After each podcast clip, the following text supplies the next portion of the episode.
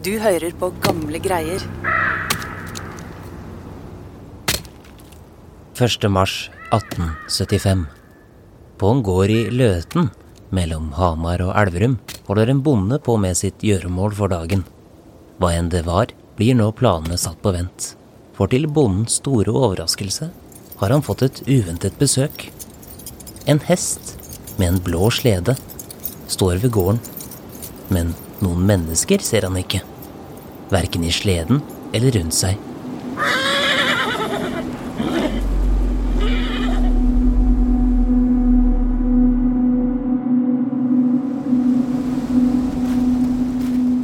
Bonden går angivelig bort til den uventede gjesten på fire ben og bestemmer seg for å se hva som er i den blå sleden. Og det er da det blir klart. Noe grufullt har funnet sted i nattemørket.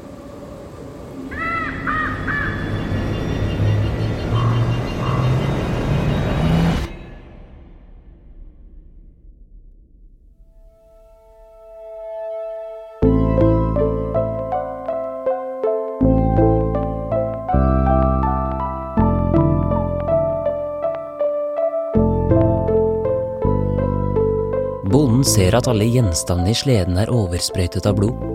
Senere finner man et halvnakent lik av en ung mann i skogen. Og til slutt tar politiet gjerningsmannen. Den skyldige er ingen fersk kriminell. Han har tilbrakt mesteparten av livet sitt bak lås og slå. Denne gangen ser retten ingen annen løsning enn å gi mannen den strengeste straffen i lovverket. Den skyldige skal halshugges. De synes dette rovmordet er såpass alvorlig, de velger å idømme ham dødsstraff.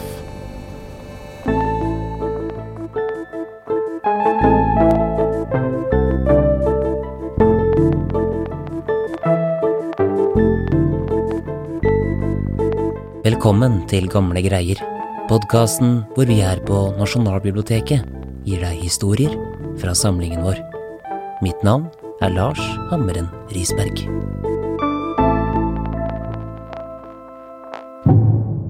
Historia om Kristoffer Nilsen Svartbekken, den er ganske fascinerende. Sjøl om det har gått 150 år nesten. For hvem var han nå egentlig, denne karen? Aslak Kittelsen, lokalhistoriker, her på Nasjonalbiblioteket. Vi har et bilde av ham, der vi ser en gammel mann med to harde øyne som ser rett mot oss. Og vi kan jo bare lure på hva disse øynene har sett. Vi vet litt, og det vi vet er svært brutalt. Ja, og den dag i dag, Aslak, så er det flere rykter som eh, fortsatt eh, lever i beste velgående. Men eh, hva vet vi egentlig om Kristoffer Nilsen Svartbekken? Kristoffer Nilsen Svartbekken ble født i 1804 i Elverum. Vi vet ikke all verden om hva han tok seg til i ungdommen, men vi vet at han hadde småarbeid en del steder etter konfirmasjonen. Blant annet så var han skomakerlærling et år. Det virker det som han ikke fant seg helt til rette med. Og etter hvert så ble han gardsarbeider på gården Grindalen. Og Grindalen, den gården de hadde sunnmannsprivilegier, altså til å ferge folk over Glomma. Så dette gjorde da Kristoffer Svartbekken sannsynligvis i ungdommen. Og når er det han begynner å rote seg inn i den kriminelle verden? Det er ikke nødvendigvis noe i ungdommen som peker i denne retningen. Men i løpet av 20-åra så begynner ting så smått å gå gærent.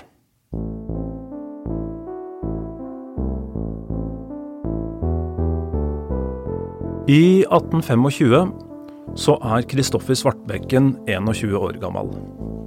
Og han verver seg for en offiser i artilleriet ved Akershus festning. Og allerede et par år etter så utfører han to tjuverier. Han stjeler et par strømper fra denne offiseren, og så stjeler han fire spesidaler fra noen andre soldater. Og pga. dette så blir han dømt til 25 dager på vann og brød. Omtrent ved samme tid så blir han også straffa for ja, det som blir kalt tjuvperm. Så det virker som om han ikke klarer å innordne seg militær disiplin. Og dette blir i hvert fall ved en anledning straffa med ti stokkeslag. Og herfra begynner det så smått å gå enda verre.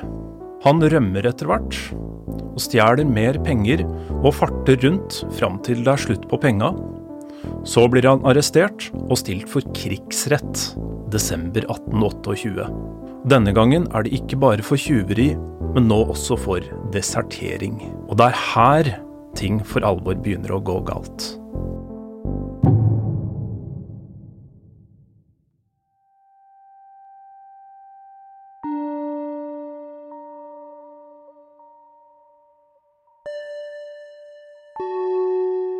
De neste årene av livet til Svartbekken består i stor grad av å sitte inne bak fengselsmurene. I 1851, i en alder av 47 år, havner han på slaveriet på Tukthuset i Trondheim, hvor slaveri betydde tvangsarbeid i fengsel. Selv om Svartbekken får en livstidsdom, blir han benådet og løslatt i 1867. Så skjer akkurat det samme som har skjedd før. På frifot begår han nye lovbrudd, og Svartbekken blir sendt tilbake i fengsel.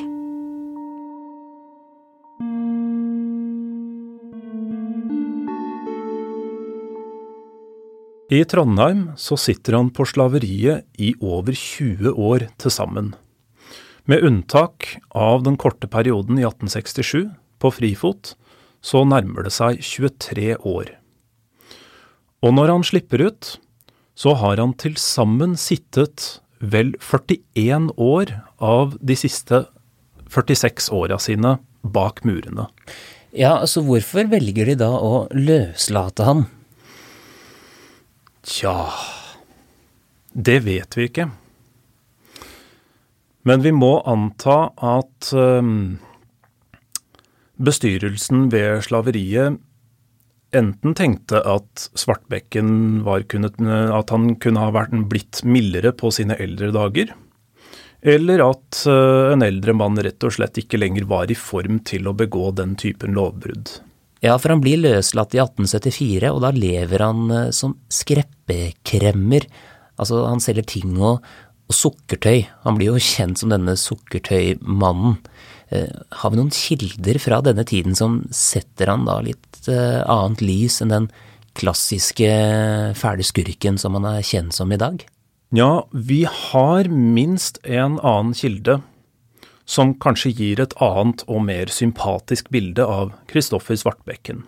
Dette er um, en mann ved navn Olaf Bull Åkran, som ble født 1870 og vokste opp i Elverum.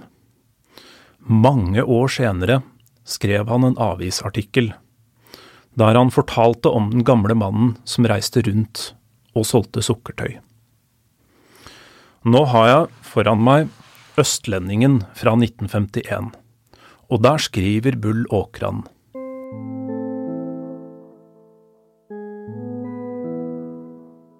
Vi smågutter var relativt gode kunder hos ham. Jeg synes også å erindre at han enkelte ganger viste oss godhet og ga oss sukkertøy. Jeg ser han ennå tydelig for meg når han med slepende gang og hoderysten passerte på veien forbi mitt hjem. Vi så etter ham. Han var jo en viss berømthet med sine 20 år på slaveriet. Jeg husker også hans antrekk. Han gikk i datidens store frakk med skaftestøvler som rakk til kneet. Støvlene var trukket utenpå benklærne, og opp av støvleskaftet stakk en øks av størrelse som en alminnelig gjeterøks. Den bar han alltid på seg.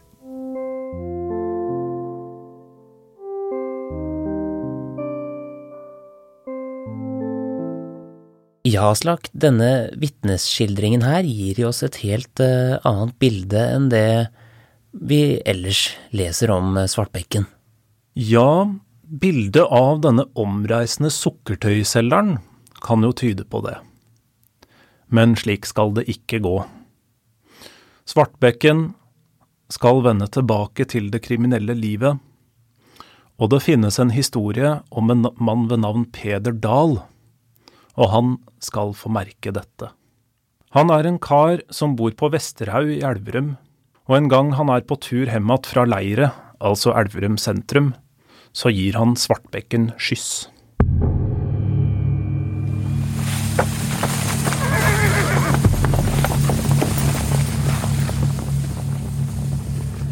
Peder Dahl og Svartbekken sitter sammen i sleden. Peder pisker resten og fokuserer på veien. Så ser han i øyekroken noen mistenkelige bevegelser hos Svartbekken. Svartbekken fomler med øksa, som han har stikkende opp fra støvelskaftet. Peder blir urolig. Hva pønsker Svartbekken på? Peder må reagere fort for å komme seg ut av situasjonen, så han prøver å lure passasjeren. Peder slipper angivelig pisken ned på veien og kjører litt videre, før han bråstopper og ser oppgitt på Svartbekken. Jeg mistet pisken min. Kunne du gått ned på veien og plukke den opp for meg? sier angivelig Peder. Svartbekken stirrer tilbake. Så går han ned fra sleden og henter pisken. Før han rekker å gå tilbake, drar Peder Dahl i tømmene og kjører av gårde så fort han kan. Svartbekken halser etter, men klarer ikke å innhente Peder.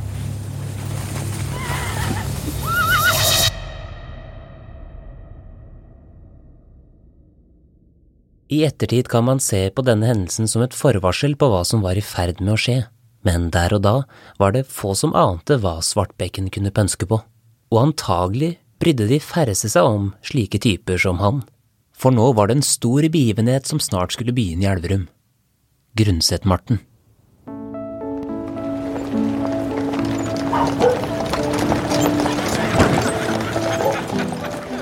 Grundset-Marten, det var en av de viktigste markedsplassene eh, på Innlandet på 1800-tallet. Eh, hit kom folk altså fra nær og fjern. Det kom folk fra Gudbrandsdalen. Det kom folk fra Värmland og Vesterjøtland på andre sida av riksgrensa. Men framfor alt så var dette markedsplassen der hedmarkinger og østerdøler møttes for å selge sine varer. Hedmarken er en av våre beste kornbygder. Det er ikke Østerdalen. Østerdalen eh, har dårlige forutsetninger for å dyrke korn. Så da kom hedmarkingene med alt kornet sitt til Grundset.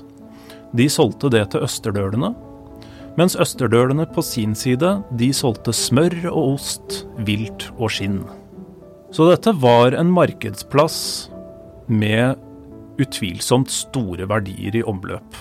Og det er klart at her er det helt sikkert en del tvilsomme personer som tiltrekkes av disse verdiene.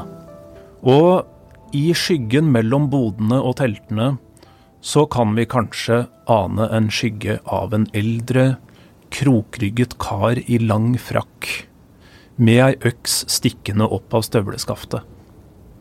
Der er Kristoffer Svartbekken og selger sukkertøya sine. Og her dukker det opp en annen person som blir veldig sentral videre i fortellingen, som også befant seg i området rundt her. Hvem er det? Det er Even Nilsen Dæhlin fra Stange. Han har eh, akkurat vært i Trysil for å gjøre det hedmarkinger gjør i Østerdalen på denne tida, nemlig å selge korn. Også på tur hjem igjen så er han innom Grundsetmarten. Han sitter da på en gjestgivergård rett ved, eh, rett ved Grundset og drikker kaffe med en annen hedmarking da Svartbekken kommer inn.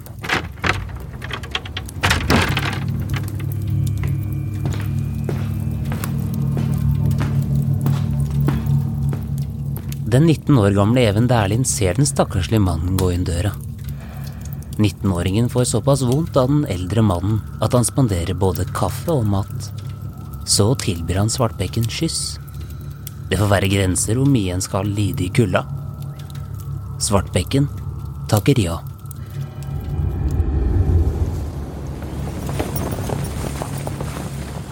Etter to mil stanser de ved en gård. Even Dæhlin sier at han vil ta seg en matbit. Svartbekken vil ikke ha, og går til en annen gård hvor han bytter til seg en kaffekopp mot en messingkam. Så trasker Svartbekken videre, men han går ikke tilbake til Dæhlin og sleden. Han legger seg på lur ute i vinternatten og venter på Dæhlin. Litt etter klokken åtte om kvelden kommer 19-åringen ridende i sleden sin. Plutselig ser han en skikkelse storme ut av mørket med en øks. Skikkelsen går til angrep.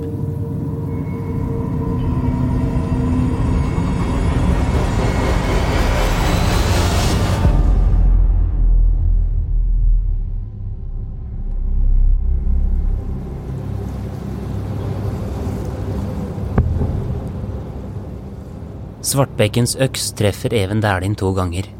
Det første slaget slår inn ansiktet på den unge mannen.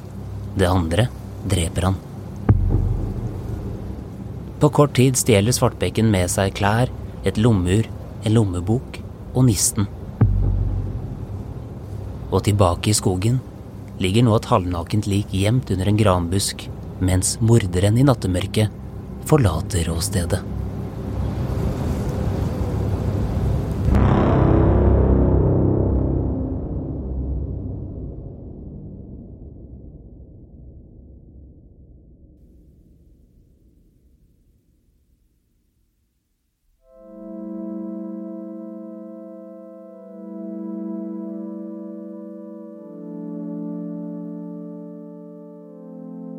Med røvergodset på seg drar nå Svartbekken tilbake til Elverum, hvor Grundset-Marten er i ferd med å starte. For å ikke vekke mistanke, barberer han vekk skjegget. Samme dag oppdager en bonde at en hest med en slede står ved låvebroen. Sporene fra den blodige sleden og plagg i snøen fører til liket, og lensmann Skullerud i Løten får saken. Politiet går fra hus til hus for å innhente opplysninger, og her kommer de i kontakt med en liten jente som skal vise seg å bli viktig for etterforskningen. Hun forteller at hun så den 19 år gamle Dæhlie på sleden med en gammel mann. Da politiet spør om hun vet hvem den gamle mannen kan være, sier jenta følgende. Ja, han kjenner jeg nok, han går rundt og selger sukkerte, han. Lensmannen er overbevist. Den mistenkte må oppholde seg ved Grundset-Morten. Lensmann Skullerud drar av gårde og tar med seg den lille jenta dersom den gamle mannen vandrer rundt på markedet.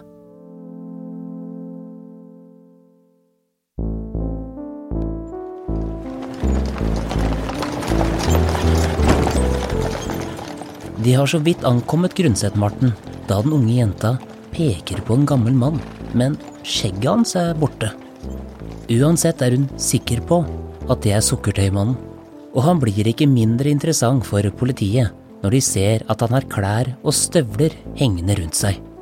Lensmannen pågriper den skjeggløse sukkertøymannen som heter Kristoffer Nilsen Svartbekken.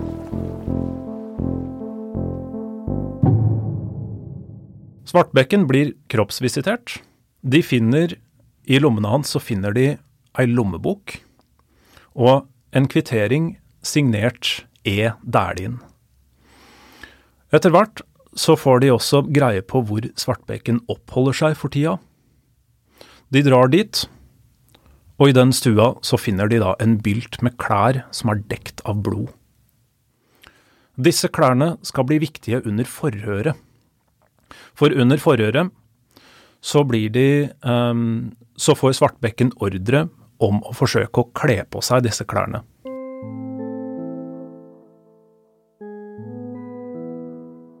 Politiet visste nemlig at uh, Svartbekken var litt større og høyere av vekst enn Even Dæhlin, og at klærne umulig kunne passe ham. Og klærne viser seg å være for små, også støvlene. Svartbekken haler og drar i, dem for å forsøke å få dem på seg, og han sier det er løgn, jeg får dem på, til ingen nytte. Og det blir ikke bedre av at Svartbekken til slutt, mens han haler og drar i disse støvlene, så gjør han på seg av angst, slik at folk må rømme lokalet. Det blir åpenbart at Svartbekken er morderen, men hva slags straff skal man gi et menneske som har vært kriminell nesten hele livet? Enda en ny runde i fengsel? Men er det nok? Dødsstraff blir et tema blant dommerne. De siste årene har flere mennesker blitt dømt til døden i Norge, men blitt benådet av kong Oskar 2., som er motstander av dødsstraff. Dette er en tid hvor flere mener at et sivilisert samfunn skal legge denne straffemetoden bak seg. Så hva med Svartbekken? Høyesterett er tydelig. Svartbekkens forbrytelse kan ikke rettferdiggjøres med benåding, og selveste kong Oskar 2. godkjenner Høyesteretts avgjørelse. De synes dette rovmordet er såpass alvorlig at de velger å hente fram um, ja, en straffemetode som, uh, som, fortsatt var tilgjengelig for spesielt uh, alvorlige forbrytelser. De velger å idømme ham dødsstraff. Og det at han ble dømt til eh, døden, det var en uvanlig dom på denne tiden, Aslak? Ja, nei, dødsstraff var eh, slett ikke så vanlig lenger i 1876. Fra rundt 1850 så hadde det faktisk bare vært én skarpretter i hele landet. Rett og slett fordi det ikke var mange henrettelser her lenger. Mellom 1864 og 1868 var stillingen faktisk ubesatt. Og da, i 1868, så ansatte man, man ansatte da Theodor Larsen, som skulle bli Norges siste skarpretter. Og den siste arbeidsdagen til skarpretter Theodor Larsen blir da henrettelsen av Kristoffer Svartbekken den 25. februar 1876 i Løten.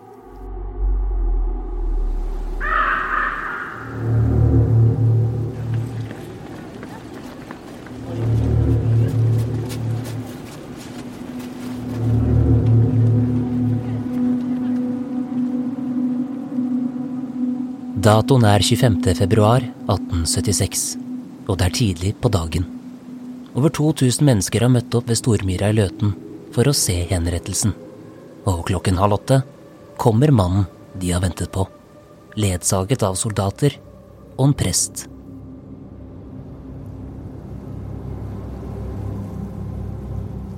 Svartbekken blir ført opp der han skal henrettes, setter seg på en stol mens seremonien begynner. Vitnesskildringen fra Bergens Tidende beskriver resten i detalj.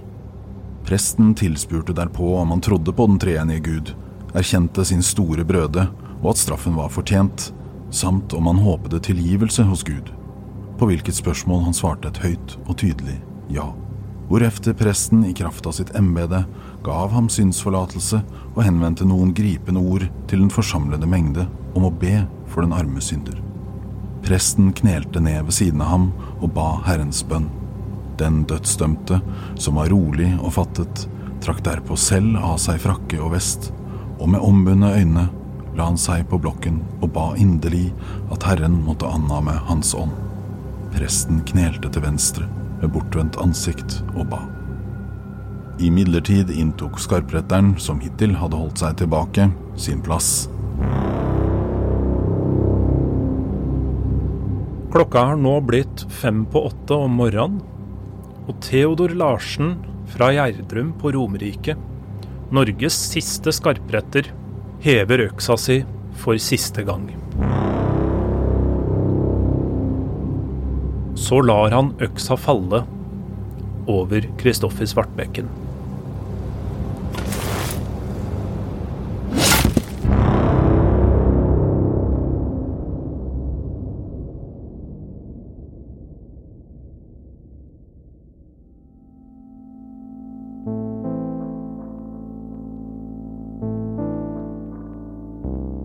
Liket av Svartbekken blir fjerna hurtig og frakta til Løtens kirkegård, der Svartbekken ligger begravet den dag i dag.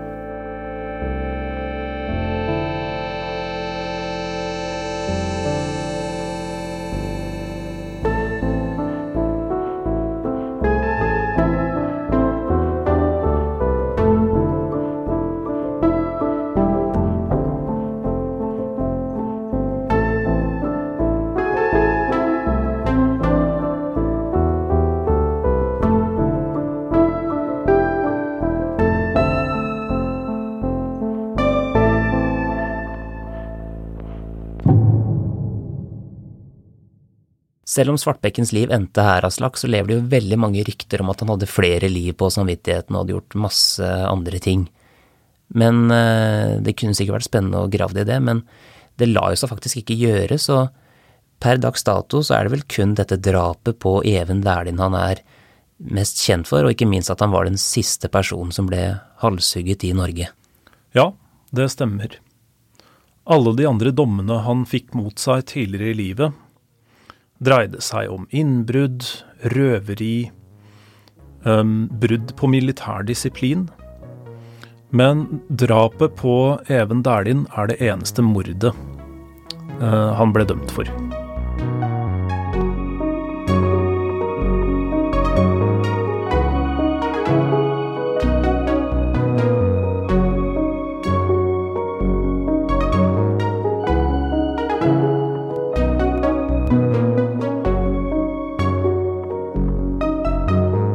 Du kan lese mer om Kristoffer Nilsen Svartbekken og om henrettelsen i avissamlingen vår eller i boken Ondskap de henrettede i Norge fra 1815 til 1876 av Torgrim Sørnes.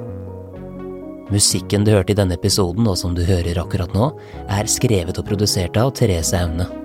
Du finner mer av hennes musikk på thereseaune.com, eller der du strømmer musikk til vanlig. Mitt navn er Lars Hammeren Risberg. På gjenhør.